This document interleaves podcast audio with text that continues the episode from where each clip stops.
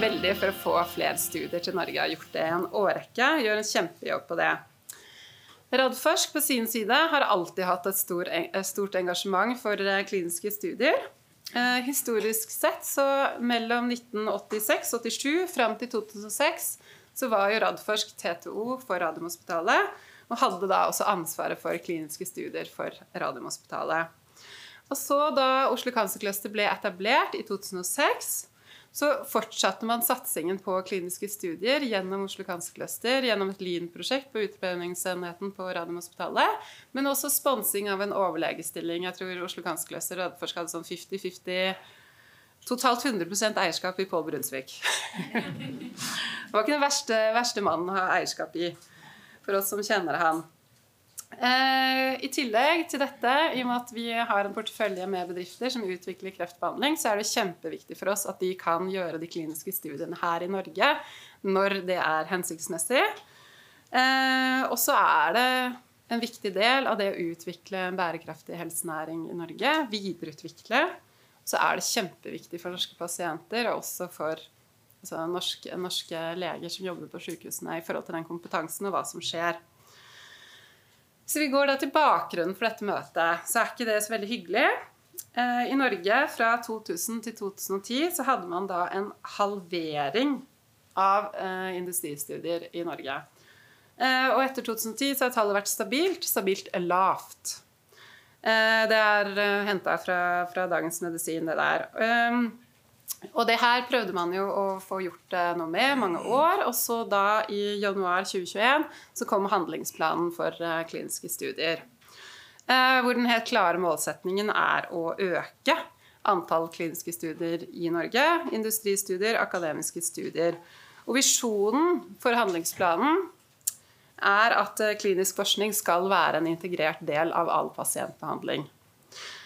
Og så har den to viktige målsetninger. Det første målet er å doble antall kliniske studier innen 2025. Dvs. Si 15% økning hvert eneste år. Og det andre målet er at 5% av pasientene skal delta i kliniske studier i 2025. Eh, I tillegg eh, så inneholder planen ni innsatsområder og ikke mindre enn 20 tiltak. Jeg skal ikke gå gjennom de. Eh, men vi kommer jo til å diskutere noe av dette. Men kjenner, mange av dere kjenner til, til dette her. Og så er det ett siste poeng før jeg skal introdusere Siri Kolle. Riksrevisjonen publiserte da i mai 2021, altså etter at handlingsplanen kom, undersøkelse om kliniske studier i Norge. Og de gir den altså de gir tilstanden kritikknivå rødt. Altså Det er så dårlig som det kan bli. Det er stryk.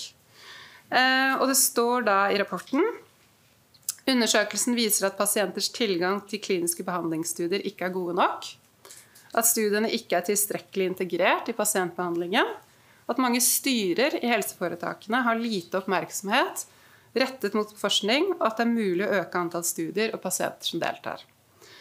Eh, rapporten ble behandlet i Stortinget i februar i år, og da et samlet storting stilte seg bak eh, innstillingen fra kontroll- og konstitusjonskomiteen. Så det er det. Da er det hyggelig å ønske velkommen til eh, Siri Kolle. Hun er, som de fleste kjenner, vice president for kliniske studier i Invento. Og hun skal gi oss de siste tallene, trendene, for kliniske studier i Norge. Vær så god, Siri.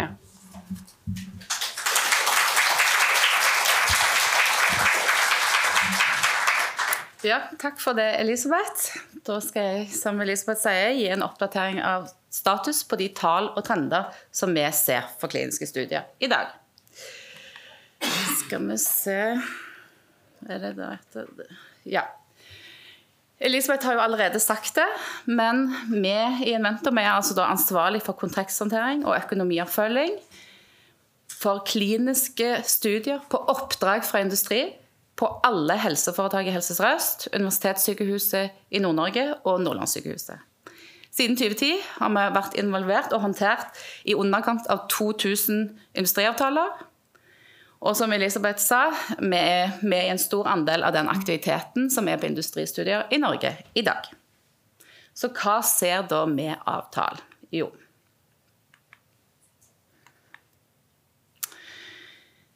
Ser vi på innmeldte nye avtaler til Invento per år, så har det siden 2015 vært en svingning rundt 150 avtaler, før vi i 2021 hadde en all time high og rekorder med 177 nye avtaler. Så langt i år, altså halvveis i året, har vi 99 nye avtaler meldt til oss. Og det er en økning på 14% sammenlignet med samme tidspunkt i fjor. Så hvordan fordeler så disse avtalene seg? Jo, som dere ser, så er det altså Oslo universitetssykehus, OS, som står for absolutt den største delen av aktiviteten. Dette gjelder både nye studier, men òg pågående studier. Så OS er en viktig motor for studier i Norge. Og eh, utvikling av studier på OS vil potensielt kunne ha stor betydning for tallene nasjonalt. Og både OS og Ahus, som her eh, er det eh, helseforetaket som har nest flest avtaler, hadde i 2021 en økning i antall avtaler. Og det som er gledelig, er at begge disse sykehusene, helseforetakene, har opprettholdt denne økningen i 2022. Og har rekorder i antall innmeldte nye avtaler og studier per første halvår. For de andre helseforetakene så er det kun små justeringer sammenlignet med tidligere år. Så trenden, De generelle trendene vi ser i Invento, er altså at en økning på OS og Ahus som opprettholdes, den er på ca. 15% for begge disse helseforetakene i 2022. Vi gjør absolutt mest studier på kreft. Sånn er det òg i 2022. Der er det en økning i antall nye eh, studier. Og det skyldes særlig OS, som har en kraftig økning på dette feltet. Samtidig så starter det få nye studier på andre helseforetak innen kreft. For å illustrere så er 50% av de nye studiene, eller avtalene meldt så langt eh, på, i året på OS, ut av kreftstudier, altså 50% av totalen. Mens på andre helseforetak utenfor OUS så utgjør det kun 10% når du ser på totaltallet. Eh, økningen vi ser i år, er på alle faser, altså fase 1, 2 og 3. Eh, og det betyr at den kraftige økningen eh, vi hadde på fase 3-studier i 2021, opprettholdes. Når det gjelder studier på medisinsk utstyr, så er tallene, som sikkert de fleste kjenner til, veldig små.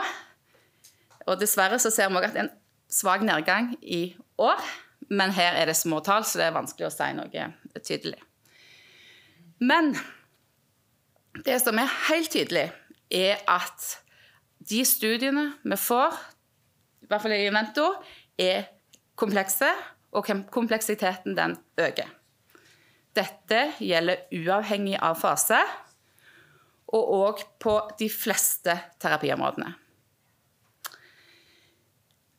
Det vi òg ser, at disse komplekse studiene stiller eh, store krav til at det er en avansert infrastruktur og kompetanse og ressurser i de studiemiljøene som starter studiene. Og det er særlig startfasen av studiene som har blitt mer krevende. Vi ser òg at det er tendenser til økning i antall firma som gjør studier i 2022. Det var en økning i 2021, og hvert enkelt firma starter nå færre studier da enn de gjorde tidligere. Det som er gledelig å se er at Nasjonal eh, handlingsplan eh, for kliniske studier og Riksrevisjonens rapport har gitt eh, økt fokus og engasjement for kliniske studier i helseforetak. Det merker vi når vi er ute i miljøene, og det er på alle nivåer. Men fortsatt så rapporterer flere miljø om at det er utfordringer med kapasitet. Så det var da eh, trendene og tallene til Invento. Så hvordan er dette nasjonalt? Jo, noe de andre som måler dette, eller de som måler tallene nasjonalt, tilfang av nye studier, nye studier, det er jo Legemiddelverket. Og det er da fase 1 4 legemiddelutprøving både industristudier og akademiske studier. Og Legemiddelverket eh, som de fleste sikkert kjenner til, hadde en økning i antall nye studier meldt til seg eller søkt i 2021. Og for industristudier var denne økningen på 19 Vi har nå fått eh, tallene fra SLV på, per første halvår, eller per 23. juni i 2022. Eh, og der er da søkt 56 nye studier så langt i år. Det er færre enn på samme tidspunkt i fjor. Så Handlingsplanen sier jo at vi skal ha en fordobling av antall studier i løpet av fem år. Noe som tilsvarer en 15% økning per år. Så tallet skulle egentlig gått opp, men de har da gått ned så langt første halvår. For industristudier så er eh, tallet ganske likt sammenlignet med i fjor. Så akademiske studier der er det en nedgang på 30% Så hva betyr så dette? Jo, det er tidlig å trekke noen konklusjon eh, ennå. Eh, vi ser når vi ser på tall og analyserer disse, at det er store periodiske svingninger når det gjelder kliniske studier innenfor et år. Og I år kan det også være spesielt med at vi har fått et nytt regelverk tidlig på året som kan ha påvirkning på tilfanget. Men når vi i Invento teller akkurat det samme som Legemiddelverket gjør, altså antall unike fase 1 til 4 nye legemiddelutprøvninger fra industri, så ser jo vi fortsatt en økning på over 15 Og det gjør jo ikke Legemiddelverket. Og hva kan det skyldes? Jo, noe av det skyldes nok at vi ikke mottar søknad eller melding om disse studiene samtidig. Og vi ser særlig i år at studier blir meldt til oss, før, og, og da er de ennå ikke søkt Legemiddelverket. Men det er bare en liten del. Det vi tror, basert på å se på disse tallene, er at de store universitetssykehusene, da særlig OS og Ahus, er med en økt andel av de studiene som går i Norge i dag. En av grunnene kan være at vi er mer attraktive for komplekse studier. Og både OS og Ahus har en, mer, har en etablert infrastruktur og erfarne, kompetente eh, studiemiljø som har en god historikk og har vist veldig god leveranse i tidligere studier. og Det gjelder særlig for kreftstudier. Og Disse promoterer òg virksomheten sin tydelig på at de ønsker studier, og har vært gode til å gjøre det under koronapandemien, og òg levert i samme periode. Eh, vi ser òg at flere miljø på mindre helseforetak rapporterer om at det er begrensa kapasitet, og at det i det siste har vært satt i gang en del større nasjonale akademiske studier som binder opp personalkapasiteten deres for å kjøre studier. Og, og, det henger jo igjen sammen med alt dette at vi ser at økningen av studier, eller en større andel av studiene, skjer på de terapiområdene der vi allerede er sterke. Så for å summere det hele opp Handlingsplanen skal, der er ambisjonen en fordobling av antall studier på fem år. Det betyr at vi må ha en 15% økning per år. Basert på tallene vi ser per i dag, ser det ut som det kan bli svært utfordrende. Så vi har ingenting tid å miste for å sette i gang tiltak for å få flere studier. Takk.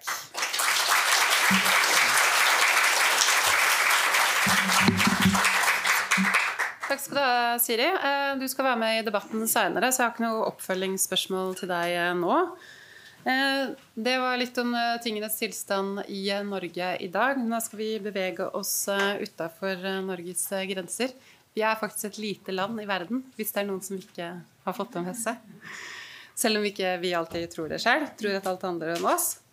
Eh, men det vi skal høre nå, eh, da er om, om, eh, hva skjer i Norden, hva skjer i Europa, hva skjer egentlig globalt. Og så må man huske på det at kliniske studier, altså tiltrekke seg kliniske studier fra de globale legemiddelfirmaene, det er attraktivt. Det er noe som man vil. Så det er knivskarp konkurranse om å få det til. Yes, For å fortelle mer om dette, så er det veldig hyggelig å ønske velkommen til Fredrik Nilsen.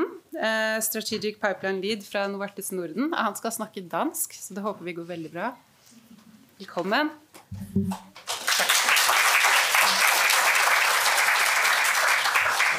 Og tak for invitationen til å komme og, og snakke. Jeg håper også å lære en masse, mens jeg er oppe om de initiativer, I har i gang med, og, og hva der kommer til å skje de neste par år i Norge innenfor det her område. Øh, jeg vil prøve at snakke lidt om tal og trends for, for kliniske studier.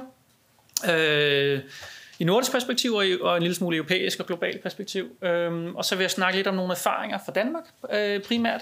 Udover at arbejde for Novartis, så sidder jeg også i bestyrelsen for et offentligt-privat partnerskab i Danmark, som øh, bygger rammevilkår for kliniske studier, Trial Nation. Der er jo et nyt partnerskab på vej i, Nord, eller i Norge, øh, Nordtrials, som er lidt i samme boldgade. Øhm, men der har jeg også taget lidt tal med fra, hvordan det går. Ja. I har jo lige øh, lanceret en, en øh, national handlingsplan. Den vil jeg ikke gå så meget ind i. Den kender I sikkert meget bedre, end jeg gør. Der står en masse fine ord om, hvorfor klinisk forskning er vigtigt. Og det er vigtigt, at vi får fortalt den historie, fordi at det er et super komplekst økosystem at lave kliniske studier. Og vi kan ikke som individer drive det her. Derfor kræver det politisk opbakning at få samlet alle aktører om at bygge et godt økosystem.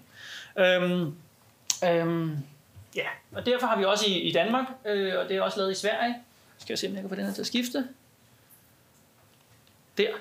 Øhm, haft nogle økonomer til at kigge på det her og regnet på, hvad betyder det for nationaløkonomien, hvad betyder det for arbejdspladser osv. Og der kommer nogle rigtig fine tal ud, og de kan være gode, når man skal engagere nogle af politikerne til at synes, at det her er en god idé. Det er ikke kun en investering, der kommer også et outcome. Det er også godt for sundhedsvæsenet, øh, men det er også godt for, for økonomien, arbejdspladser, BNP osv. Øh, så lavede de en masse kvalitative interviews af læger på afdelingerne og spurgte, forbedrer det øh, den kvaliteten i den daglige øh, drift? Der hvor man lavede klinisk forskning, så ikke bare om de patienter, der kom med i studiet, men bagefter på afdelingen blev det bedre kvalitet. Og der er også rigtig fine øh, resultater. Altså, så det er sådan et kinderæg med rigtig mange gevinster, det her. Men det er også et super komplekst økosystem, så vi skal alle sammen løfte i flok, hvis vi skal have det til at virke. Øh, men vi skal ikke glemme, hvem det her det handler om, vel? Altså, det handler ikke om, at øh, vi skal forbedre nationaløkonomien osv. Vi gør det vel i og for sig, fordi vi gerne vil have, at patienter i morgen skal blive behandlet bedre, end de gør i dag. Og det handler jo både om at understøtte innovation, udvikling af lægemidler og andre behandlinger. Det handler om at understøtte viden, så man kan tage en god beslutning, øh, når man sidder over for patienten. Præcisionsmedicin, personlig medicin. Og det handler om god viden, der skal understøtte og allokere ressourcerne rigtigt i sundhedsvæsenet. Så vi stopper med at gøre de ting, der ikke har effekt, og allokere pengene der for de ting, der, der batter. Øhm, og alt det, det kræver, at vi bliver gode til klinisk forskning, og vi har et godt økosystem, der kan hjælpe både industriforskning og akademisk forskning. Øhm, ellers så bliver vi et reaktivt sundhedsvæsen, eller mere et sygdomsvæsen, som bare venter på, at vi får folk ind ad døren, og så tager vi de værktøjer op af kassen, som vi er vant til at bruge. Men hvis vi skal behandle patienter bedre i morgen, end vi gør i dag, så er det så vigtigt, at vi øh, går sammen om det her. Jeg har taget nogle tal med. De første tal øh, siger vist lidt af de samme fra Norge. Øh, det handler om antallet ansøgninger, der kommer ind til myndighederne. Jeg har bare taget med fra Danmark og, og Norge her. Og begge lande ligger forholdsvis øh, ja, flat over de sidste 10 år. Øh, I Danmark er der, hov, hmm, bladrer jeg samtidig med, at jeg prøver at pege her, så er der en, tende, en, en, en svagt opadgående tendens. Øh, og vi har i Danmark arbejdet strategisk med rammevilkår for klinisk forskning siden 2015. Øh, men bare også for at sige, at det er ikke noget, der sker overnight, det her. At når man går i gang med det her, så det, det er en tung proces. Det tager tid at opbygge gode miljøer og, og opbygge tillid hos diverse partnere og opbygge tillid hos de firmaer, der eventuelt skal lægge firmaindustriet øh, sponsorerede studier i landet. Så, så, så, øhm, så, så det tager lidt tid. Jeg vil vise nogle, nogle specifikke tal senere, som er lidt mere opmuntrende på, hvor hurtigt man kan rykke. Men også hvis man kigger på de absolute tal her, så ligger Norge litt under halvdelen av hva aktiviteten i Danmark er. Og hvis vi kigger på de helt fundamentale ting i vores sundhedsvæsen, uddannelsesniveau hos læger, sygeplejersker, øh, vores centraliserede sundhedsvæsen og alt sådan så de fundamentale ting, der skal til for at lave klinisk forskning, de er lige så gode i Norge, som de er i Danmark. Så der er ikke nogen grund til, at de har halvdelen af de studier, som vi har i Danmark. Så det er jeres ambition om at fordoble. Det er fuldt ud realistisk. Altså potentialet i Danmark er også langt større end det, vi laver. Øhm, så det kan godt opnås, men det kræver hårdt arbejde, det kræver, at man bygger et godt økosystem. Øhm, ja. Så har jeg fjernet de absolutte tal. Nu snakker vi bare trends. Øh, og taget nogle, nogle grafer med fra Danmark, Sverige og Norge. De ser ret ens ud. Hvis vi skal være rigtig optimistiske, så går det lige op her for Norge på et enkelt år, men jeg ved ikke, om vi kan lægge så meget i det. Men, men det, der er lidt interessant, det er, at det er en svag opadgående tendens ind til 17-18, og så går det nedad. Og hvis vi kigger globalt og Europa her, så Amerika og, og Europa, så ser man den samme trend. Men kigger man på Sydøstasien, hva skjer der herhen ved 17-18? Der ser vi en stor stigning. Og det er jo en, en, en funksjon av globaliseringen. De store firmaer de har større markeder nå ude i Østen. Og det vil si at i Kina og Japan stiller større krav til, at flere af deres kliniske studier skal foregå der. Fordi at dataene skal selvfølgelig være repræsentative for de patienter, der skal behandles bagefter. Og det vil sige, at der er et stort pres på, også i USA, de store europæiske lande, Kina Japan, på, at en stor del af kliniske studier skal foregå der. For det er dem, der køber medicinen bagud, der vil betalerne gerne have lokale data. Og det udfordrer os som mindre eller mellemstore lande ret meget. Øhm, hvor vi før måske, øhm, hvis vi skulle lave et stort studie, 2.000 patienter globalt, så var der nogen, der skulle være i USA og i de store europæiske lande, så var der måske 600 patienter tilbage, vi skulle have i de mindre europæiske lande. Sådan er det ikke mere, for nu skal nogle af dem, de skal være i Asien. Så nu skal vi måske kun bruge 200-300 patienter i de mindre europæiske lande. Og det vil sige, før kunne man komme med et studie, hvis man var middelgod i Europa som et, et mindre land. Det kan man ikke mere. Baren er øget. Nu skal man være blandt de bedste lande i Europa, hvis man skal have et håb om at allokere studie. Hvis man vil tiltrække industristudier i hvert fald. Øhm, og, og det begynder først for alvor, i hvert fald i vores interne tal, at slå igennem næste år. Så det viser nogle rigtig, eller fortæller lidt, lidt grimme ting til senere. Øhm, hvis vi kigger bare på Novartis-studier i Norden, så Novartis er et af de firmaer, som har været mest aktive med kliniske studier i Norden over de sidste mange år. Og vi har i alle nordiske lande haft folk dedikeret i hvert land til at arbejde med at tiltrække Novartis-studier lokalt. Øhm, og det startede vi måske mere systematisk med i 16, 17, 18 stykker. Øh, og der kan man jo godt se, at Norge, jamen I kommer op på niveau med Sverige og Danmark. Altså så potentialet er der. Det er ikke sådan en naturlov, at Danmark skal have dobbelt så mange studier som Norge. Hvis man arbejder systematisk med det, øhm, så kan det her godt lade sig gøre. Øhm, lidt svært ved at holde, holde helt samme momentum, men, men potentialet er der. Det er ikke fordi, det ikke kan lade sig gøre det her. Øhm, men for mange af de firmaer, som måske ikke har lokale folk i Norge, i datterselskabet, som arbejder på at tiltrække studier, så er det svært. For de globale folk, de sidder ikke og tænker, skal vi ikke lige have Norge med? Det kræver, at der er nogen, der laver noget lobbyarbejde. Det kræver, at der er nogen, der finder ud af, hvordan ser det lokale økosystem ud? Hvor er de gode sites til at lave det her? Hvem skal vi øh, koble os op med? Øh, men potentialet er der. Øh, det vi kan så se for næste år, vi begynder nu at kunne se, hvilke studier forventer vi får allokeret næste år. Det er, at vi kan virkelig mærke nu, at den der globale konkurrence, den spiser til. Så øh, jeg er ikke så optimistisk for, at vi kan fastholde de her tal næste år. Hverken i Danmark, Sverige eller Norge. Det, det, det ser noget mere kritisk ud. Øhm, og, og, altså, det er ikke fordi, det ikke kan lade sig gøre det her, men man skal op og ligge i top 5 i Europa, for nu at kunne komme med i mange af de industrifinansierede studier. Og det kan I sagtens i Norge. Ja, nu siger jeg sagtens. Byggestenen er der, men det kræver et samarbejde og et partnerskab af offentlige private partner, for at det kan lade sig gøre. Og det er selvfølgelig komplekst at udføre og eksekvere. Men det er i alles interesse at gøre det her. Hvis vi vil lave et bedre sundhedsvæsen i morgen, så kræver det, at vi bliver gode som nationer til at lave klinisk forskning. Både akademisk og industrisponsoreret. Har jeg taget et billede med fra jeres handlingsplan her. Det er bare for at illustrere, hvor komplekst et økosystem er. Det er ikke fordi, jeg vil gå igennem den. Men, men der er rigtig mange stakeholders involveret i sådan et, et klinisk studie. Øhm, og økosystemet er ikke stærkere end det svageste led.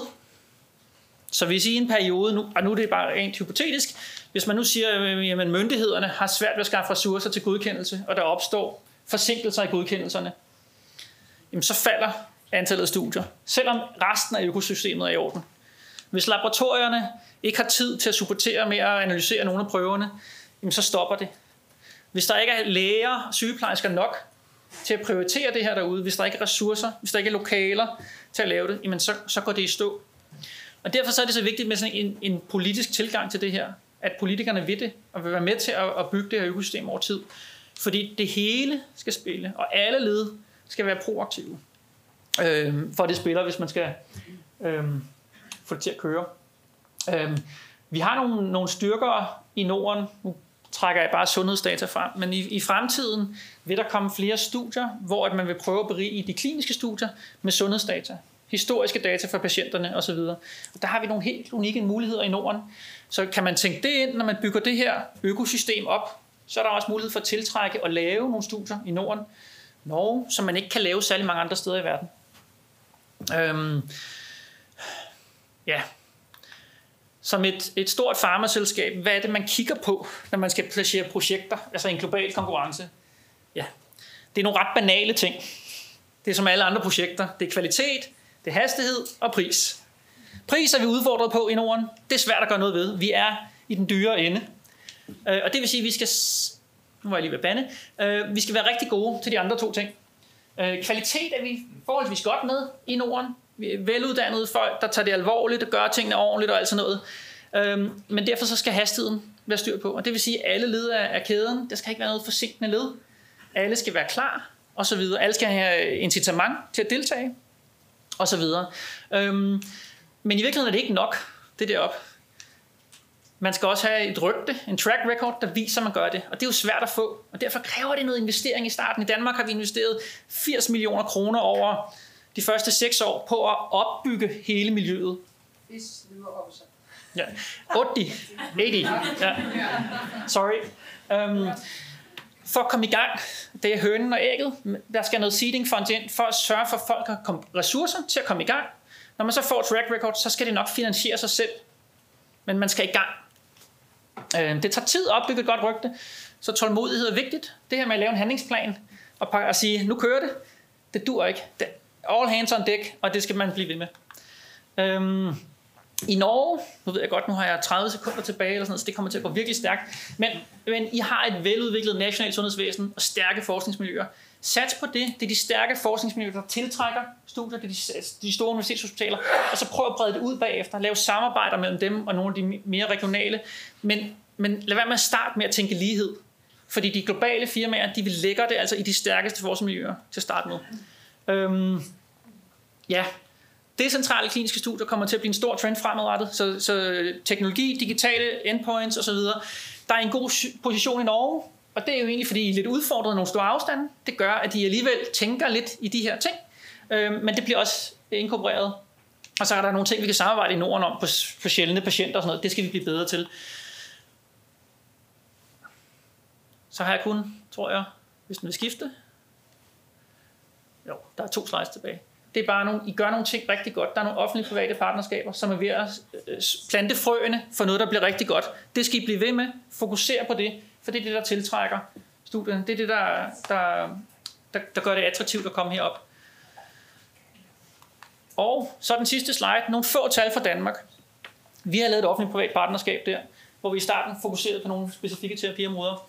Øhm, og hvis I kigger på stigningerne her, så det her med at sige, at det er et langt sejt træk, ja det er det, men, men der er altså også nogle seriøse stigninger, hvis man virkelig fokuserer på det. Altså så inden for det respiratoriske område har vi næsten tidoblet, hvor mange kliniske studier vi laver i Danmark. Øhm, dermatologi var vi, startede vi også på fire studier hernede i 2015, og kom op og tidoblet. Vi blev ramt rigtig hårdt af, af covid-19, for det var de dermatologiske afdelinger i Danmark, der blev lukket mest hårdt ned. Øhm, onkologi, hematologi, lige sådan stigninger. Vi startede infektionsmedicinsk netværk i 2019, lige inden corona kom. Det var rigtig, rigtig god timing, fordi det var noget, der hjalp os igennem coronaepidemien, at vi havde forskningsmiljøer klar til at generere den evidens, teste ting osv. Øhm, ja, jeg tror, jeg vil stoppe der, in the sake of time. Øhm, I skal i mål. Det er en global konkurrence. Bliv ved. Og så, øh, hvis den skifte. Der er nogen, der vil have fat i mig bagefter, så er I meget velkommen til at række ud, øh, stille spørgsmål øh, og finde mig, og, eller række ud til Novartis i Norge. Øh, ja.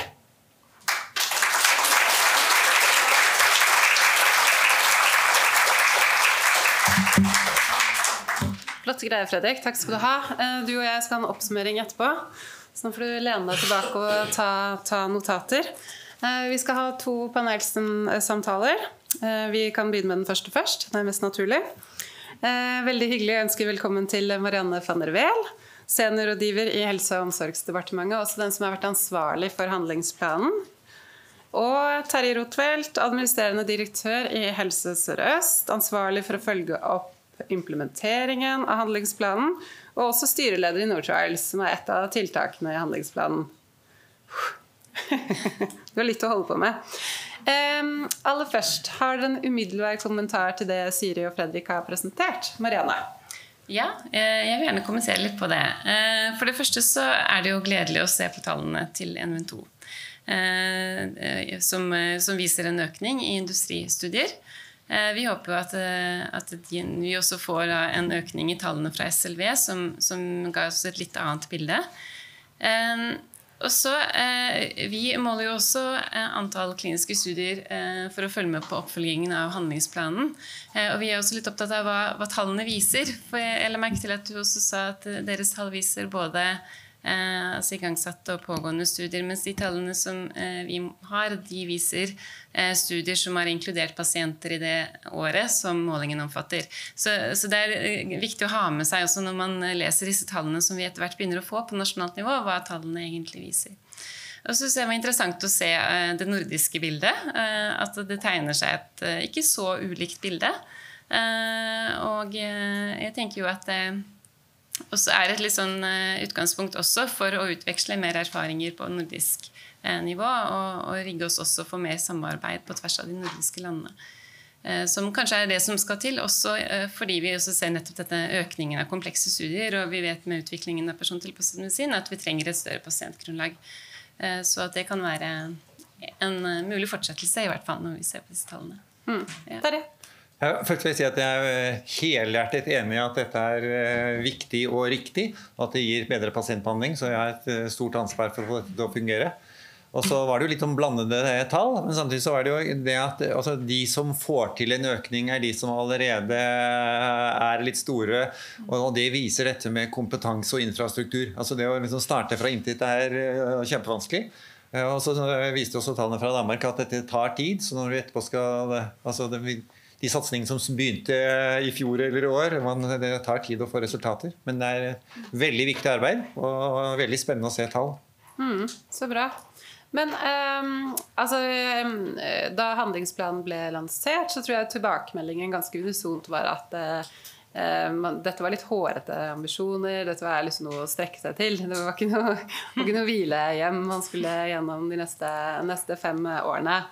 Men um, Samtidig når man ser liksom tallene til Danmark, da, de er jo ca. Altså, dobbelt uh, så store sirkus. Uh, Danmark er jo likt uh, som Norge. Og jeg trodde jo at det var mye flere dansker. At det var liksom grunnen til at det er så mange flere kliniske studier. Men et kjapt Google-søk, det var bare sånn shame on me. Det er flere svensker, men de gjør det ikke så bra. Så da blir jeg litt sånn derre Ja, men Ja. Hva tenker dere? Ja. Hva, hva, er liksom grunnen? Hvorfor er vi ikke De har jo igangsatt noen sentraliserte tiltak eh, tidligere enn oss. Også både dette med Trial Nation og i forhold til gentestisk nasjonalt. Men eh, vi har jo vedtatt de samme tingene og er i gang med eh, flere av de samme tingene. Så, Så du tenker at det kommer? Vi ikke bare, av seg selv på noen som helst måte, men nei, nei. vi har muligheten og jeg mener man har iverksatt en del riktige grep som vi må følge opp. Mm. Mm. Ja, jeg støtter det. Og nå er vi jo halvannet år inn i oppfølgingen av handlingsplanen. og som Terje også var inne på, at Det tar også litt tid å se resultatene av de tiltakene vi har. Men det vi merker, er at det er en veldig stor aktivitet i oppfølgingen av handlingsplanen, både i tjenesten og i næringslivet, som er veldig bra å se. Også fordi at vi tror og mener at denne handlingsplanen har bidratt til en viktig synlighet av aktiviteten Eh, og det er mange som har jobbet med dette i mange år, som eh, fortjener å få den synligheten. Og vi mm. må fortsette å opprettholde det også for å få til de endringene. Så er det jo en forskjell er jo også at eh, de andre nordiske landene har en større tilstedeværelse av industri enn det Norge har. Og en handlingsplan endrer jo ikke på det kort sikt i hvert fall. Nei. Eh, Det er jo et håp om å bygge en helsenæring i Norge også. Eh, Men, eh, så vi må gi det litt tid. Og så har vi kanskje andre styrker, sånn som det også allerede er trukket frem, dette med privat-offentlig samarbeid. Og som Terje var inne på, vi gjør mange av de samme grepene nå. Så vi må være litt tålmodige, selv om vi er utålmodige òg. ja. Men apropos tålmodighet slash utålmodighet. Eh, Dere har jo også åpnet for altså departementet for at dere kan endre på tiltakene hvis dere ser at ikke de har effekt. Kan du si litt om hva dere tenker rundt det? Ja, det kan jeg gjøre. Eh, og jeg kan starte med å si at siden handlingsplanen ble lagt frem, så har det jo vært et regjeringsskifte. I første omgang så var det viktig for oss å sjekke ut med en ny politisk ledelse hvilke prioriteringer de har hatt. Og så har jo de lagt frem sitt første oppdragsdokument og tildelingsbrev, hvor det kommer tydelig frem at forskning er høyt prioritert. Det er nå et av hovedmålene i oppdragsdokumentet. Og visjonen og målene fra handlingsplanen er godt eh, reflektert i oppdragsdokumentet. Eh, og så vil vi jo eh, nå ha en prosess inn mot neste års oppdragsdokument og tildelingsbrev. Men de oppdragene som er gitt for inneværende år, de er nokså i tråd med oppdragene sånn de står i handlingsplanen. Eh, Det er noen mindre justeringer, bl.a. på dette med digital eh, samtykkeløsning som skal etableres. At man ser på muligheten for at den kan utvides til å eh, gjelde flere studier. Altså ikke bare kliniske studier, men helseforskningsprosjekter. Når man først gjør en, en slik jobb. Så, men det er noe vi vil vurdere fortløpende. Ja, så bra. Ja. Eh, Et av de grepene som er tatt, er jo Nordtrials, som du er styreleder for, eh, Terje. Kan ikke du si litt om, om? For dere er ikke så veldig kjent eh, enda. Dere hadde lansering i mai, vet jeg. Nordtrials er jo etablert for å styrke tilgangen til utprøvende behandling for norske pasienter gjennom å etablere et forpliktende samarbeid mellom eh, spesialisthelsetjenesten eh, og eh, legemiddel- og utstyrsindustrien. Så det er målet med dette. Vi fikk det oppdraget i februar for halvannet år siden.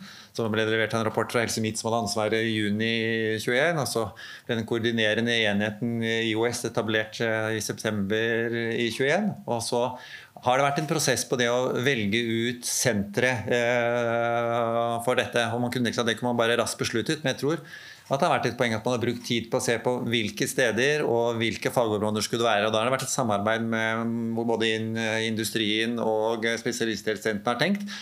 Eh, Industrien hvilke områder er det sannsynlig at man vil få studier. og Så har spesialisthelsetjenesten sett på hvilke områder er det vi er sterke på, hva er det vi tror vi kan få til på en god måte. Så man endte opp med seks steder og seks eh, fagområder da, som eh, nå er etablert. Og så måtte de levere si, en plan, en slags søknad for å si at eh, dette er det vi har tenkt å gjøre og rigge til for å få dette til. Og så er det godkjent av styret. Så det har jo tatt litt tid, men nå koordinerende har jo vært i virke i eh, snart et år, og de har eh, kontaktet alle sykehusene for å se hvordan er det dere eh, rigger i forhold til kliniske studier, og særlig også dette her med tilgangen til sånn laboratorier, røntgentjenester og dette. Og hva er altså dette feasibility? Altså man har på en måte kartlagt feasibility i forkant, slik at man har mulighet for å og svare raskt ut. Jeg tror det er poenget til Fredrik om at eh, hvis du skal få til en studie, så må du svare raskt. Du kan ikke da begynne å lure på har jeg egentlig et røntgenapparat, eller hvem er det som har lyst til å være med på dette. her. Du må vite det på forhånd, slik at du før spørsmålet er fullført, har sagt ja. Og så må han få det til eh, etterpå. Sånn og så er det dette med å profesjonalisere. Sånn, det- Alle er jo veldig tydelige på at dette blir stadig mer komplisert. Og hvis vi skal få til, så må vi være flinke. Og vi kan ikke finne på alt dette hver for oss. Det må være en sentral oppgave for den koordinerende enheten å bredde den kompetansen eh, ut. Og så er det jo tanken at de seks sentrene skal eh, være navnet, og det er valgt ut fordi de allerede er kjempeflinke. eh, Og og så må de få andre sykehus med også, men at det er primært så de som har kontakt og dialog. For man får ikke dette hvis man ikke kan det på forhånd. Nei, så bra. Men når tenker du man kan forvente å se noe effekt eh, da? Ja, det får jeg spørre Fredrik. Det tar jo litt tid, dette her.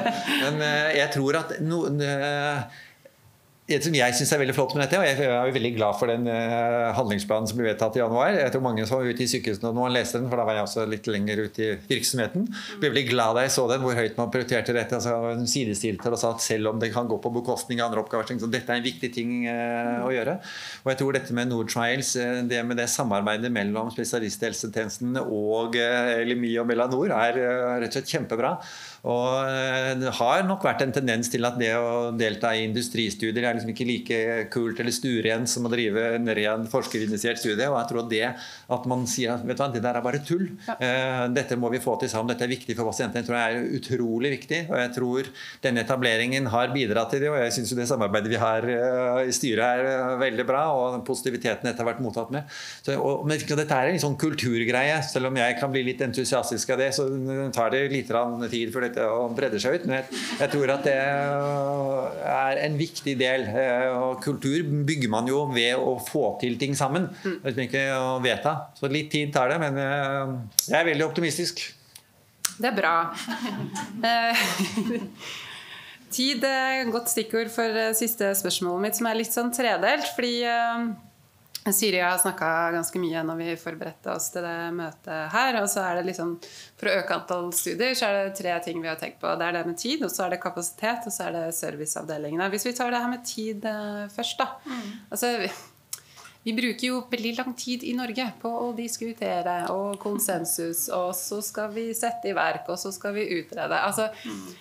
når den øh, konkurransen internasjonal er så skarp som det den er. Altså, Kjenner dere på litt sånn state of urgency i departementet noen ganger? Marianne, ta deg først.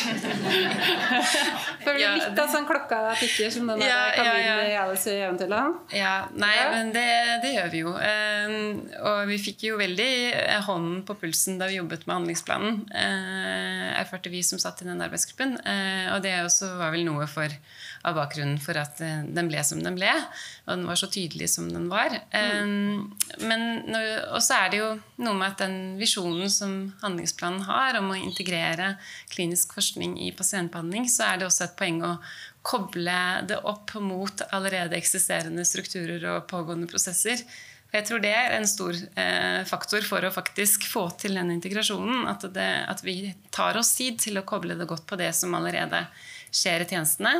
Og så ser vi jo resultater på flere områder etter hvert. Det ene er jo den økningen som vi hadde på industristudier i fjor. Og så har vi fått til eh, flere gode ordninger som også har tatt tid, sånn som dette med Forskningssenter for klinisk behandling, som eh, vel ble etterspurt med Helseomsorg21. altså ønsket å få en sånn kraftsamling av miljøene i Norge med, med langsiktig og forutsigbar finansiering. Det har vi fått til. Og vi har Nortrials, og vi har eh, Nortrials-sentrene, som akkurat ble omtalt. Eh, så det, det, begynner å bli eksempler på ting som vi får til. Og, og bare kanskje også til slutt nevne dette på, vi har fått til på persontilpasset medisin, som eh, jo også er veldig bra og imponerende. Og det er både samling av fagmiljøer eh, i tjenesten, men også det tverrsektorielle med koblingen eh, offentlig-privat. Mm. Så vi ser jo resultater, men det er jo eh, et nitidig eh, sted-på-scenen-arbeid, dette. Mm. Og som det også ble sagt, at man er Eh, avhengig av at alle leddene i kjeden fungerer. Ja. Så det er også litt av bakgrunnen for at handlingsplanen er som den er. Ja. Mm. Mm.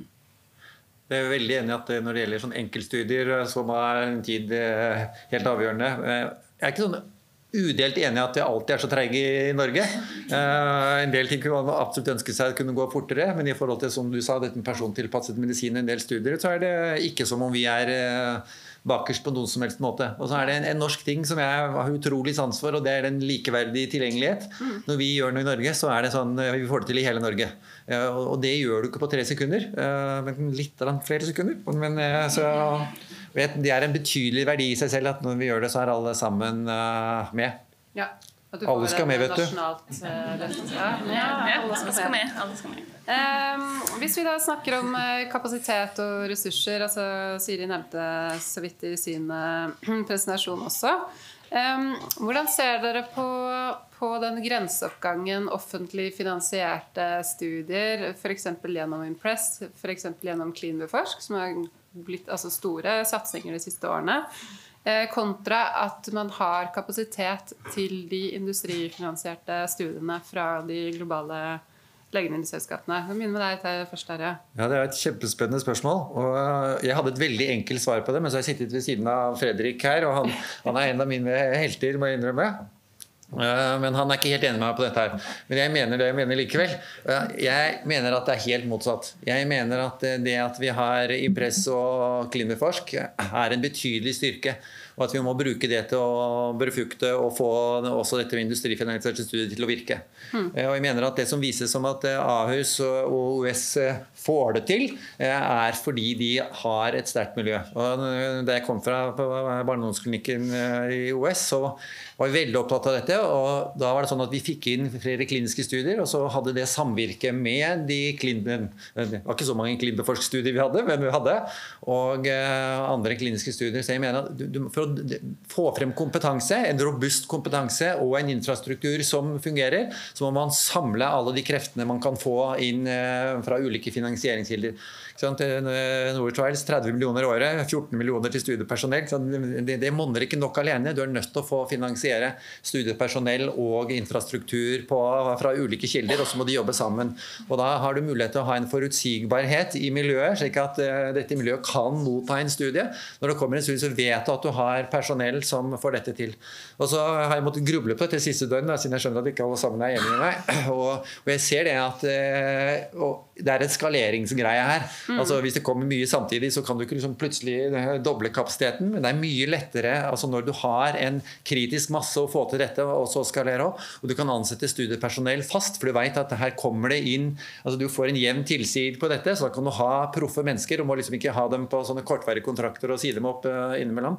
Så totalt sett så er jeg overbevist om at dette er en styrke. Og så ser jeg at det er et skaleringsproblem, og innimellom, hvis man er så flink som Fredrik er, at det kan være vanskelig å få til uh, alle ting uh, samtidig. Sånn at min sånn udelte hurra er kanskje jeg må ha en liten modifikasjon, men totalt sett så er jeg helt overbevist om at det er bra. Mm. Har du kommentar til det? Ja, jeg kan uh, supplere litt. Uh, tallene viser jo at vi har kapasitet til å ta imot industristudier også, for det er nettopp der det har vært en økning. Uh, men, men, at det er forskjell i kapasitet, særlig mellom universitetssykehus og ikke-universitetssykehus, det vet vi jo. Mm. Og det var jo også noe som Riksrevisjonen tok opp. Og, og en av anbefalingene deres retter seg jo også nettopp mot det, at man må se på virkemidlene for å få til studier ved de mindre sykehusene er eh, gode.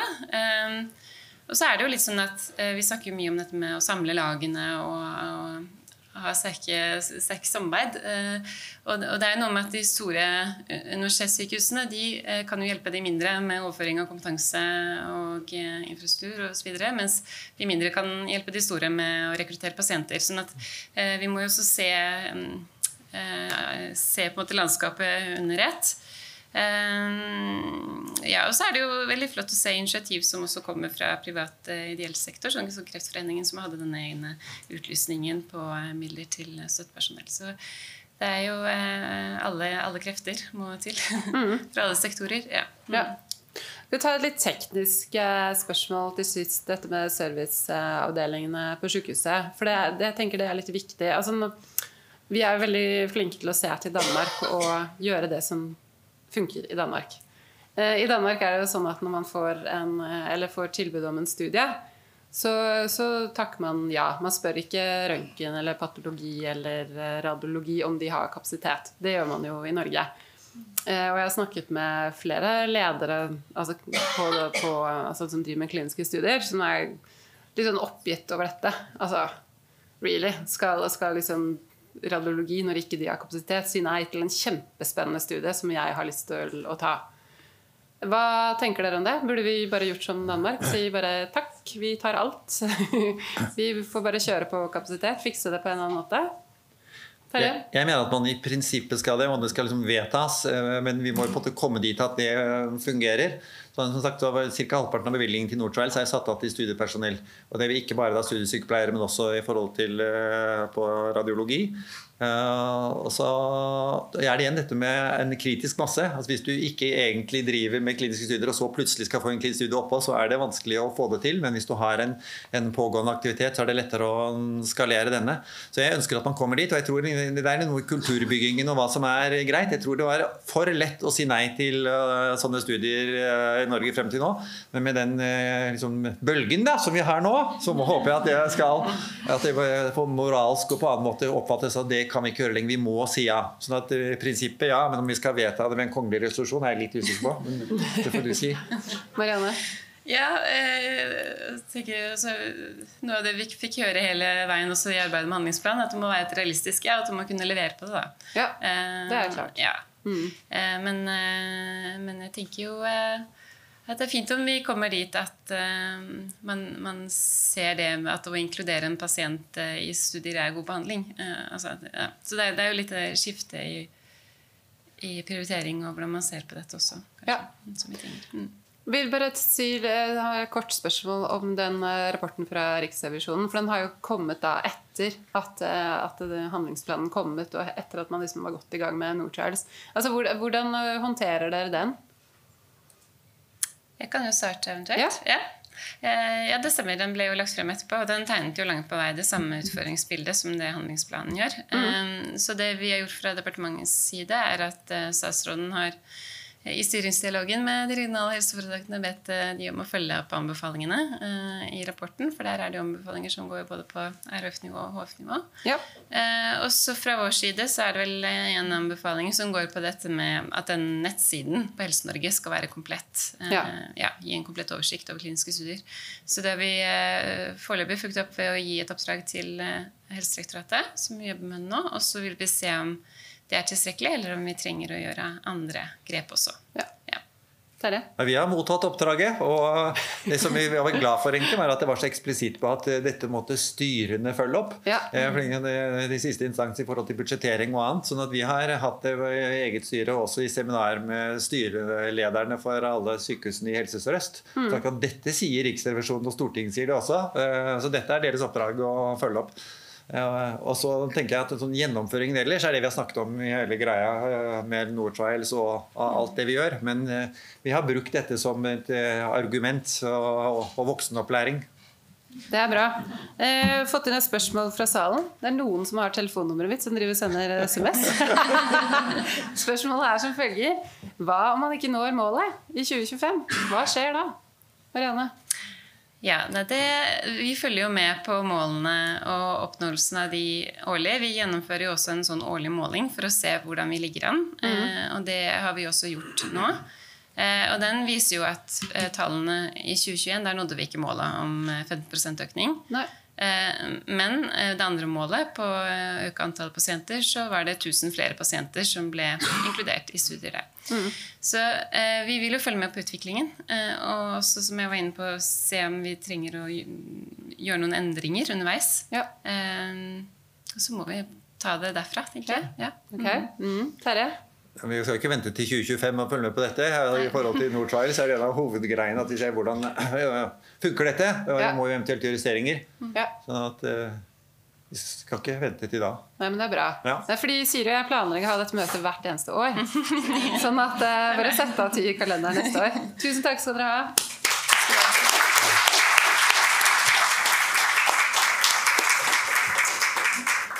Da skal vi ha andre den andre panelsamtalen. Vi har jo selvfølgelig invitert politikere hit, for vi vil jo gjerne flytte politikk. Eh, men vi har da ikke fått noen politikere til å stille.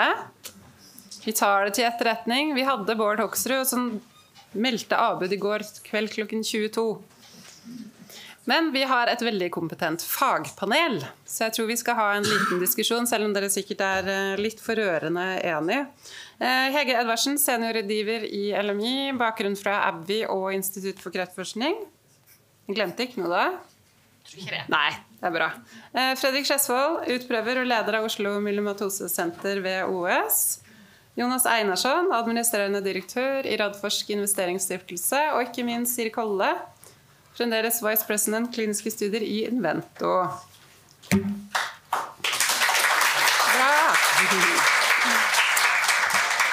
Jeg tenker eh, jeg skal begynne med å stille første, samme første spørsmål til dere. Det er en sånn umiddelbar kommentar eh, til Siri og Fredrik sine presentasjoner. Også den samtalen vi har hatt mellom Marianne og Terje. Jeg begynner med deg, Edvardsen. Ja, ja, takk for den. du får takke, ikke tenke noen ting. der. Så det, nei, jeg tenker jo det at både Siri og Fredriks presentasjon viser jo at vi hadde en økning i fjor, men i og med at du ser, hvis du ser på tallene for hele Norden, så ser du at det er ganske tilsvarende økning. og Det tyder jo på at det er mer eksterne faktorer som slo inn i fjor. og Det er jo fordi at vi hadde en pandemi som gjorde at vi fikk, til, vi fikk tilførsel av noen studier eh, i land som, ikke, som håndterte pandemien eller hadde mindre effekt av pandemien. Så det er jo ikke sånn at vi kan klappe oss på, på skuldra og si at det er et resultat av tiltakene vi har putta, i gang, og hvordan vi har fått til et bedre samarbeid. Den økningen vil vi jo se fremover nå. Men jeg tenker at det er jo fint å se at vi har fått til en økning. At det er mulighet å få det til. Uh, og så tenker jeg det at uh, uh, vi har mye å gå på i forhold til leveranser. Det kommer til å være det som vi må vise at vi gjør. Vi må vise at vi leverer på det vi, det vi får tilbud om. Og så må vi, når vi tar, være flinkere til å ta imot med åpne armer. For der har vi også litt å gå på. Så det er kanskje de to tingene jeg tenker vi må jobbe mest med nå fremover. Og så, og så får vi ta det andre i neste. Mm. Fredrik? Jo, takk. Um, jeg tror jo at vi du kan si, Det første er jo at det økte fokuset på kliniske studier som har vært over tid nå, og som på en måte blir sterkere og sterkere, er jo bra og medfører nok litt indirekte noe, uh, uavhengig av tiltak. Um, men samtidig så tror jeg vi skal være litt, litt forsiktige med å si at det har vært en økning. skal jeg være helt ærlig. Uh, for jeg tror ikke det har vært noen tiltak satt i gang som skulle hatt effekt i, i fjor. Uh, og den økninga er fortsatt innenfor en variasjon, og covid-studier kom litt sånn bardust, mange studier på en gang som ble borte igjen. Så, jeg vet ikke om det er noe troverdig at det har vært en økning. i det hele tatt. Og hvis det har vært det, så har det i hvert fall ikke noe med handlingsplanen å gjøre. Da er det mer med at, det mer med at, at fokuset som ble skapt via det, litt indirekte kanskje skaper en driv. Men det er litt fordi de handlingstiltakene de, de tar jo selvfølgelig litt tid. Så, um, Tri Nation for eksempel, ikke, har jo ikke hatt noe effekt ennå, for, for, den er ikke begynt. Så det er jo ikke, det er ikke så rart. Men så det blir litt sånn at med en gang det er en økning, så er det fordi vi har vært så flinke til den handlingsplanen. Det tror jeg ikke noe på. da. Eh, men det er to ting jeg vil ta opp som, eh, som begge er litt relatert til La oss kalle han Nilsen. Nilsens men, Kan vi ikke ta hele, okay. så går vi tilbake til deg. Jonas Einarsson. Ja. ja, nå når jeg begynte i Radforsk for snart 23 år siden, så var min første jobb å ta med av kliniske studier. Uh, og jeg har jo sett den utviklingen nå med statusen til kliniske studier gjennom de 23 åra. Og det har jo vært en fantastisk utvikling, egentlig, men 23 år. Så det har ikke gått så veldig fort. Uh, vi ble jo møtt med at eh, kliniske studier, og spesielt da industridrevne kliniske studier, det var en sånn nesten nødvendig onde som man måtte ha noe med å gjøre den gangen. Og vi var jo med og bygde opp utprøvingsenheten på Ramstallet, hvor det var ildsjeler som jeg alltid er opptatt av, som Steinar Omdal og andre, som klarte å bygge det opp. Og per i dag så er vi også opp, helt avhengig av denne type ildsjeler, og en av de står ved siden av meg nå, som tiltrekker seg disse studiene mye til tross for en pga. det systemet vi har og har, har hatt. Men eh, også legge til at det har vært en fantastisk positiv utvikling. Det Invento har gjort med å profesjonalisere det å drive kliniske studier, det står det virkelig, virkelig respekt av. Og det ser jeg jo med alle de selskapene jeg jobber igjennom, med, med de små norske selskapene. At nå vet jeg at vi kan gå til Invento og få en ryddig, rask, ordentlig prosess, og den er forutsigbar. Og det mm. tror jeg er liksom litt uh, greia her. Forutsigbarheten. Så det, det, er det jeg har tenkt på. Og så tenkte jeg også på de tallene som dere presenterte. For du nevnte dette med antall pasienter. Uh, og vi snakker bare om antall kliniske studier. Uh, så jeg ble litt overrasket når du sier at det er faktisk en økning i antall pasienter. For mitt inntrykk er at studiene blir mindre enn de var tidligere, og at vi ikke har disse kjempestore studiene lenger. Så Det er liksom mine refleksjoner så langt. Mm. Siri? Ja, eh, jeg vil trekke fram to ting som jeg har bedt meg merke i. og Det ene er dette med at å starte å bygge opp kliniske studier, det er en investering. Og en må ha en ledelse og noen som tror på en, som er villig til å gjøre den investeringen. For, for eh, si, det krever å bygge opp et volum, og da er en nødt for å gjøre en investering i forkant. Og så annet, dette med kompleksiteten. Vi ser at kompleksiteten øker eh, på alle fronter. Og, og, rundt dette med kapasitet og serviceavdelinger. Jeg tror også Skal vi lykkes framover, så vi er nødt for å forenkle våre egne prosesser eh, internt i sykehus. Og vi bruker mindre tid på administrasjon og prosesser. Hvordan skal vi forenkle ting, sånn at vi bruker tid og ressursene på, på å behandle pasientene og levere data i studier. Det, mm. det tror jeg blir viktig videre. Så bra. Er det noe som ikke var nevnt, Fredrik, som du hadde på hjertet? Ja, for du bare kommentere Siri og Fredriks ja, ja, presentasjon. Men du hadde så lang må... Ja, sorry. Og de andre må få lov til å prate. Ja. Jeg har vært leder på møte med deg før. jo, det var to ting som kom fram i Nilsens uh, foredrag. Um, Og Det ene var dette med lobbyvirksomhet, som han nevnte. Fordi Det han sa som er veldig korrekt, da, som jeg mener litt sånn under, under, ikke underforstått, men for lite forstått, det er at den lobbyvirksomheten Du nevnte egentlig mest at måte, nordiske, lokale industrifolk må jobbe mot, mot de globale. Men det holder ikke. Det, det som drar studier til landet, det er at den lobbyvirksomheten foregår av den legen som skal være kontakten på studiesenteret. Mm. Og uten den lobbyvirksomheten så hadde vi ikke vært noen ting i det hele tatt. Så grunnen til at vi nå får drøssevis av studier, er at over år så har jeg jobba med denne lobbyvirksomheten mot de globale eh, firmaene. Og det er helt riktig som han sier. Eh, det er ikke sånn at det plutselig så bestemmer at nå skal vi være i Norge, som det ikke har vært før. Det krever at de kjenner de. Og den lobbyvirksomheten er litt eh, begrensa på en del steder av at kontakt med industrien ugleses, litt den gamle tingen vi snakker om, den er gjeldende fortsatt. Vi har jo, vi har jo vi har eh, leger på, på, store sykehus i OUS som må flytte til andre sykehus fordi de møter så mye motstand på, på, på sykehuset de kommer fra. Det var veldig vanskelig å forstå hva jeg snakka om der. vi nevner ingen navn, vi bare tenker på det i hodet vårt. Så det, det, er på en måte, det, det er ekstremt sentralt. og ja. det, det, er kanskje den største mangelen i handlingsplanen eh, for kliniske studier. Det står ingenting om at dette er viktig. Og det, er det viktigste av alt. Og nå Siden mai så har vi sagt nei til syv kliniske studier fra syv forskjellige firmaer. Eh, fordi vi får altfor mange studier. Og det, og det kommer fra den nettverksbygginga. Så må du selvfølgelig levere på kvalitet og antall pasienter, og sånt, mm. men det, det, kommer etterpå. Mm. Uh, og Det andre som er helt sentrale poenget for å bygge opp aktivitet, det er eh, at du må ha leger som har satt av tid til å drive med kliniske studier. Ikke sitt eget akademiske prosjekt, men med industristudier. Og på, på, jeg spurte Erlend Smeland om dette for ikke så lenge siden, som er forskningsdirektør ved OS. Mm. Han sa på hele Radiumhospitalet er det bare én person som har det. Det er Jonan Mykjyte. Mm. Og han har basisfinansiering, det har ikke vi. Og så er det meg, da. Mm. Eh, og men, men, det er på en måte i, i handlingsplanen så sto det mye om at ressursmangler på sånn. Og jeg er litt usikker. Tri-Nation har masse, masse, industri, masse, penger til sykepleiere. Jeg er usikker om det også er leger. Hvis det er det, så er det veldig bra. Det er i hvert fall veldig viktig at det er en del av det. Og det som Nilsen også sa, uh, var at de stedene der det hadde økt mest på respiratory disease, og sånn, der hadde de lagd et senter, gitt midler til en lege, lege og sykepleier som ble frikjøpt til å drive med kliniske studier. Mm. Det var der de så økninga. Ja. Eh, de to poengene er det aller, aller viktigste. Mm. Einarsson? Ja, nei, jeg er veldig enig med Fredrik. fordi det, Jeg var jo inne på det, dette med kulturen, som mm. jo var håpløs tidligere og er blitt mye bedre. Men det har skjedd ved at det har kommet nedenifra med sånne som da tidligere Steinar Romdal, med, med, Fredrik og, og flere. Eh, og så har vi etterlyst en politisk vilje til å faktisk gjennomføre og prioritere kliniske studier i mange, mange år. Og så kommer handlingsplanen, som er bra i utgangspunktet. Eh, og så sier da departementet og Stortinget at dette ønsker vi at det skal gjøre. Det skal bli en del av standardbehandling. Alt dette vi har mast om i så veldig mange år. Og det er kjempefint. Og så sier Helse Sør-Øst at det skal vi gjøre. Og så sier Sigurd Sveland at det skal vi gjøre. Og så er det noe sjikt imellom der. Mm. Og der er det fortsatt en utfordring. I det sjiktet mellom toppen der og de som driver der nede, om å legge forhold til rette og å prioritere. Og mm. Det er liksom litt sånn elefanten i rommet som man faktisk må adressere. Mm. Hege? Jeg tenkte bare skulle si i forhold til dette med promotering, Det er kjempeviktig. men Det, er ikke, det står i handlingsplanen at man skal promotere Norge som studieland, men det er kanskje ikke så mye fokus på at klinikker må være påkobla underveis i prosessen. At det må gis rom på sykehuset til at klinikere som du kan gå ut og, og, virkelig lobbyere for å få studier. Det er det kanskje ikke så omtalt, men det, det, er klart at det står jo at vi skal jobbe med å promotere Norge som studieland.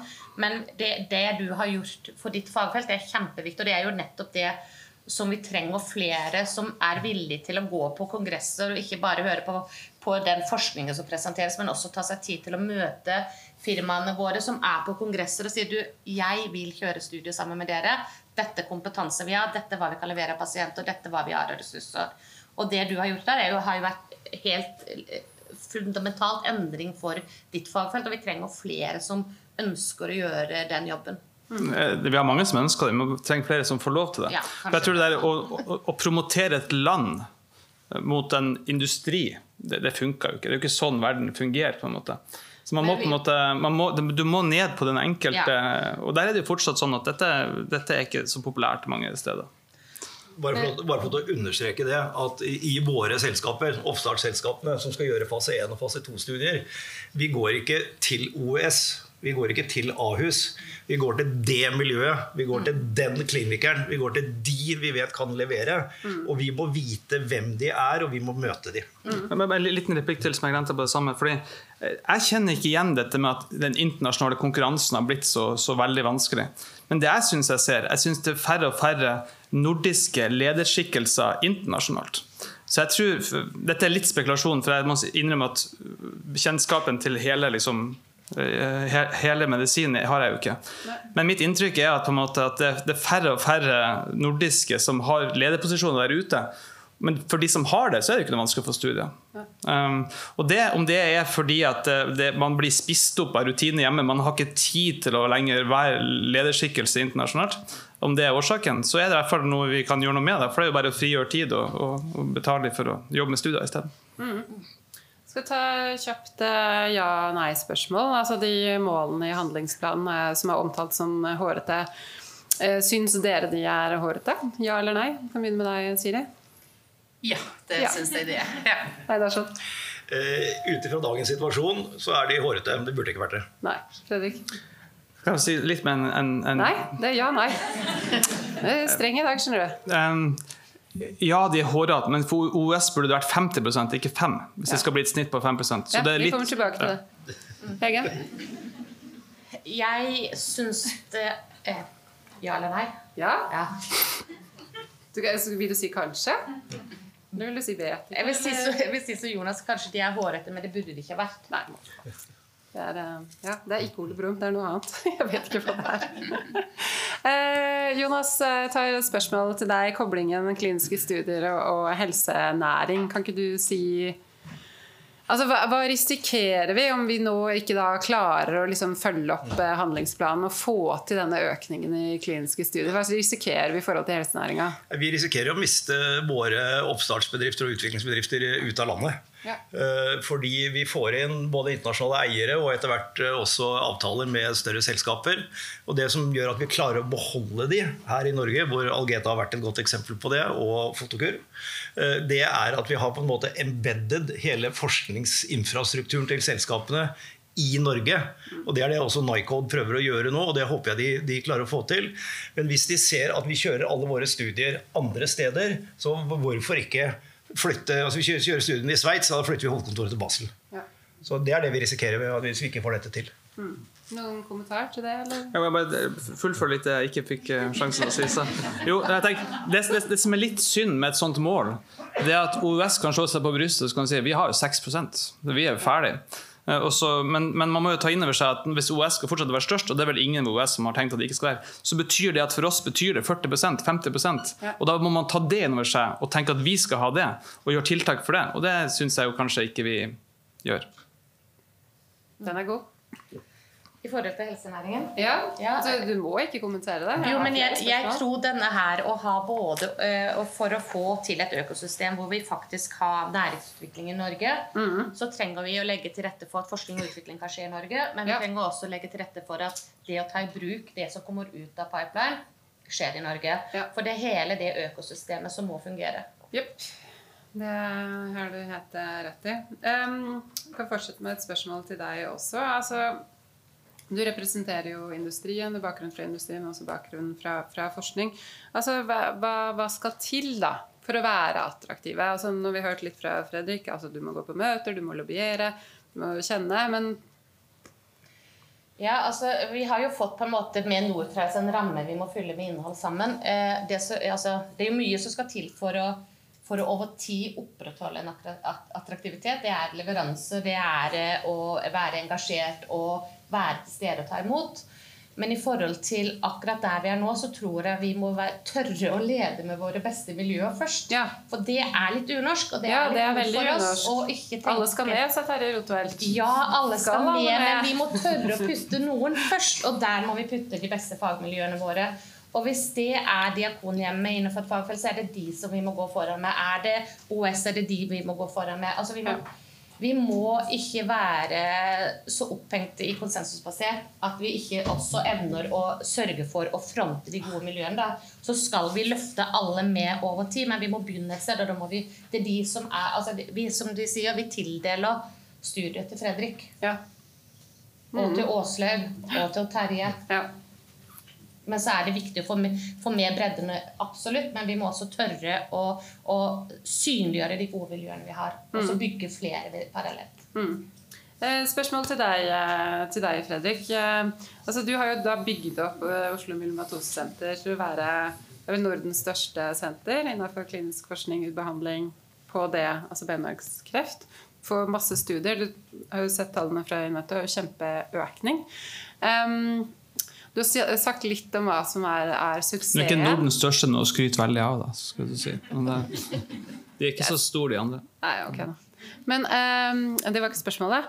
Eh, poenget er dere har fått til veldig mye siden dere starta i 2015. Eh, og- det virker jo som altså, dere har en suksessoppskrift. Kan man blåkopiere den til de andre fagområdene, sykdomsområdene? Ja, og det er egentlig ganske lett. Ja. Det tenker jeg, hvis du har en hvis, men Dette er jo kjent, vi har sagt det samme i, mange år. Mm. Altså, det er to ting som skal til. Eh, eller For det første så må du jo ha noen som er interessert og villig, da. men det er jo ikke mangelvare. Eh, og så må de få frikjøpt tid Ja. til å drive med industristudier. Eller, eller drive med kliniske studier. Eh, og så eh, må de få lov til å, til å ha kontakt med industrien uten noen på en måte begrensning. Eh, Selvfølgelig, Det finnes masse regler for dette, eh, men, men ikke, ikke ha noe, noe negativitet over det. Det er det som skal til. Ja. Eh, så, og det å kjø- kjø- frikjøpe folk til industristudier, det høres jo på en måte det høres jo på en måte dyrt ut som en investering, men det er jo ikke det. Eh, Altså det er jo, dette er jo, eh, vi, vi har jo ikke noen basistildeling i hele tatt. Vi eh, går jo rundt sjøl. Vi dekker våre egne utgifter. Nå har vi økt fra meg i 30% og en sykepleier i 50% i 2015 til 30 ansatte i dag. Alt det er dekket av våre egne inntekter. Så Ja. vi tar ikke penger fra Det er jo egentlig strengt tatt verdiskapning. ja, I Ja. tillegg så har vi akkurat nå regnet over en medisinstudent som skal skrive en artikkel, og økonom også, regnet ut at i denne perioden har vi gitt gratis medisin eh, som pasientene ville ha fått i det norske helsevesen, bare sett på det som har vært godkjent på, på de tidspunktene, til 340 millioner. Ja. Som er, som er ren bonus. Vi dekker oss sjøl, og så har vi spart samfunnet for 340 millioner på fem år. Som er, mer, som er mer enn blodsykdommer bruker på medisiner i samme periode. Ja. Så det er på en måte, Dette er ikke en investering, dette er på en måte bare en, en måte å tjene mer penger på. Eh, og at man ikke gjør det, det, det skjønner jeg ikke. Nei. Siri? Ja, og, og Vi snakker jo mye om kompetanse på å kjøre studier, og det er utrolig viktig. Men den kompetansen om å tiltrekke seg studier er òg veldig viktig. Og det som er gledelig, er at veldig mange av særlig dette midtsjiktet nå begynner å spørre hva er det som må til? Hva må jeg gjøre for at vi skal få til? Hva, hva gjør Fredrik?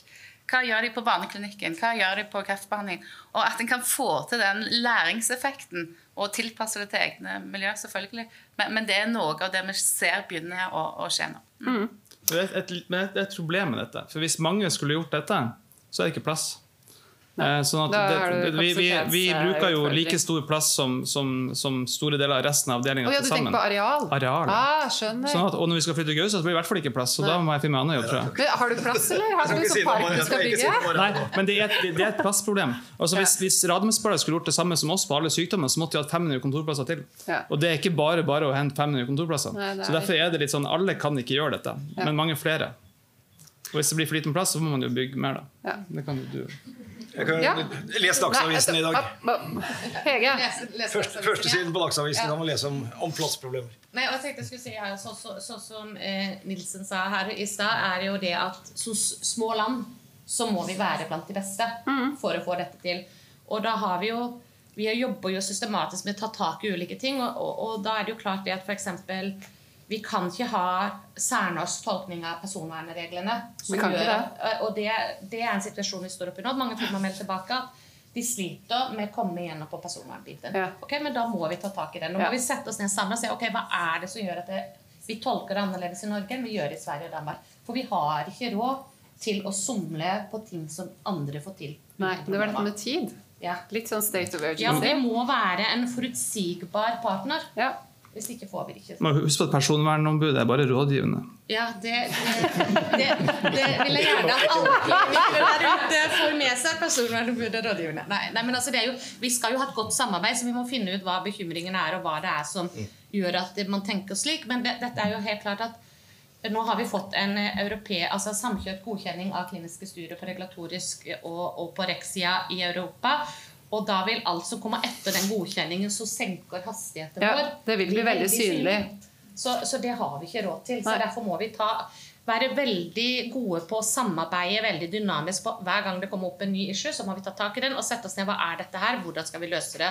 Hva kan vi få til sammen? Mm. Og det, det er en dugnad som vi må gjøre mellom industrien, helsetjenesten og embetsverket. Hele tida være Mm. på her. Så bra. Siste spørsmål. Ja, nei, spørsmål.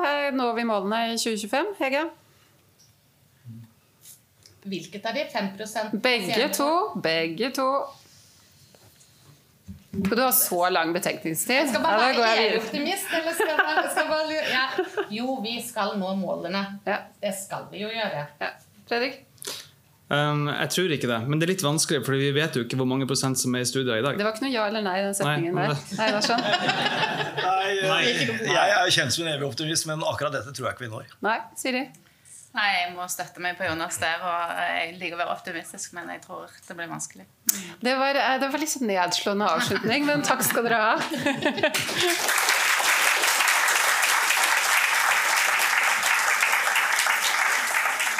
Se, Fredrik. Hvis du kommer opp til meg, andre Fredrik. Hva tenker du Du kan snakke inn i den mikrofonen du nå. Ja. Hva tenker du etter å ha hørt på dette her? Nå var de veldig negative og pessimistiske her på slutten. da. Nei, men jeg tenker også, det er jo et ambitiøst mål, der er satt opp. Ja. Altså, øh, så hvis man sikter mot stjernerne, og man ikke når det, så er det ikke alltid en fiasko. Det kan godt være en succes, hvis man når 80% af det. Altså, hvis man, så er der flere patienter, der får adgang. Man har tiltrukket flere investeringer, der kører mere klinisk forskning. Altså, så, så om det er et ja-nej, om man præcis når det mål, det er måske ikke det vigtigste. Det Nej. vigtigste er, at man er ambitiøs, og man går den rigtige vej. Ja, ja men så bra. Hva tenker du da? Er du like pessimistisk? eh? Altså, hvis jeg er hullest ærlig, så, så tror jeg ikke, man når målet. Nej. Men jeg tror godt, det kan lade sig gøre. Men det krever virkelig noget politisk pres også. Mm-hmm. At man forstår, at det her det er måden at lave et bedre sundhedsvæsen på sigt. Fordi hvis politikerne presser ned ovenfra, hospitalsdirektørerne presser ned, afdelingsledelserne siger, at det skal vi prioritere, så kan det her godt lade sig gøre. Mm. Og jeg tror, at Frederik er et godt eksempel på, at når du opnår kritisk masse, så, kan, så er det ikke noget problem at få kliniske studier Nej. til Norge. Når du har et navn, når du har en track record, når du har en, en igangværende dialog med de her firmaer, så skal der nok komme studier. Vi kan godt levere kvaliteten, og når man har en kritisk masse og nok studiesygeplejersker og læger, der er vant til det, så kan man også levere på tiden og alt det der. Mm. Så det er ikke umuligt, men det er bare så komplekst et økosystem, så det er rigtig svært. Mm. Hva tror du om disse serviceavdelingene? Skal de få lov til å si ja eller nei til eh, studier fremover? Det er Eller burde bare Danmark, at de ikke må sige nej. Nei. Men man har jo presset hospitalsledelsen til at presse de afdelinger til at sige, vi vil rigtig gerne have, at I siger ja. Ja. Så hvis I siger nej, så skal I have en virkelig god grund. Ja. Og det tror jeg er en sund tilgang. Fordi man skal også passe på med at have, have regler, hvor vi siger, I skal sige ja. For det værste, der kan ske, det er, at man siger ja til noget, som man ikke kan levere. ja. For så ødelægger, man sit rygte, og så Ja. kommer man ikke tilbage. Så det vigtigste, det er at holde, hvad man lover. Mm. Øh, og det kommer også lidt tilbage til det her promoveringsting. Altså det er et ting er at kunne det, noget andet er, at dem, der skal levere studierne, de ved det. Og det er jo både gennem historiske data, men det er jo også at tage på kongresser, række ud til de her firmaer osv. I Danmark har vi gjort det, at Udenrigsministeriet har arrangeret møder på fagkongresser, mm. inviteret de vigtigste danske professorer til at møde der, inviteret de firmaer, der har pipeline inden for det område, og så sat dem i samme rum og sige, hvad er mulighederne? Ja. Er der nogle gode matches?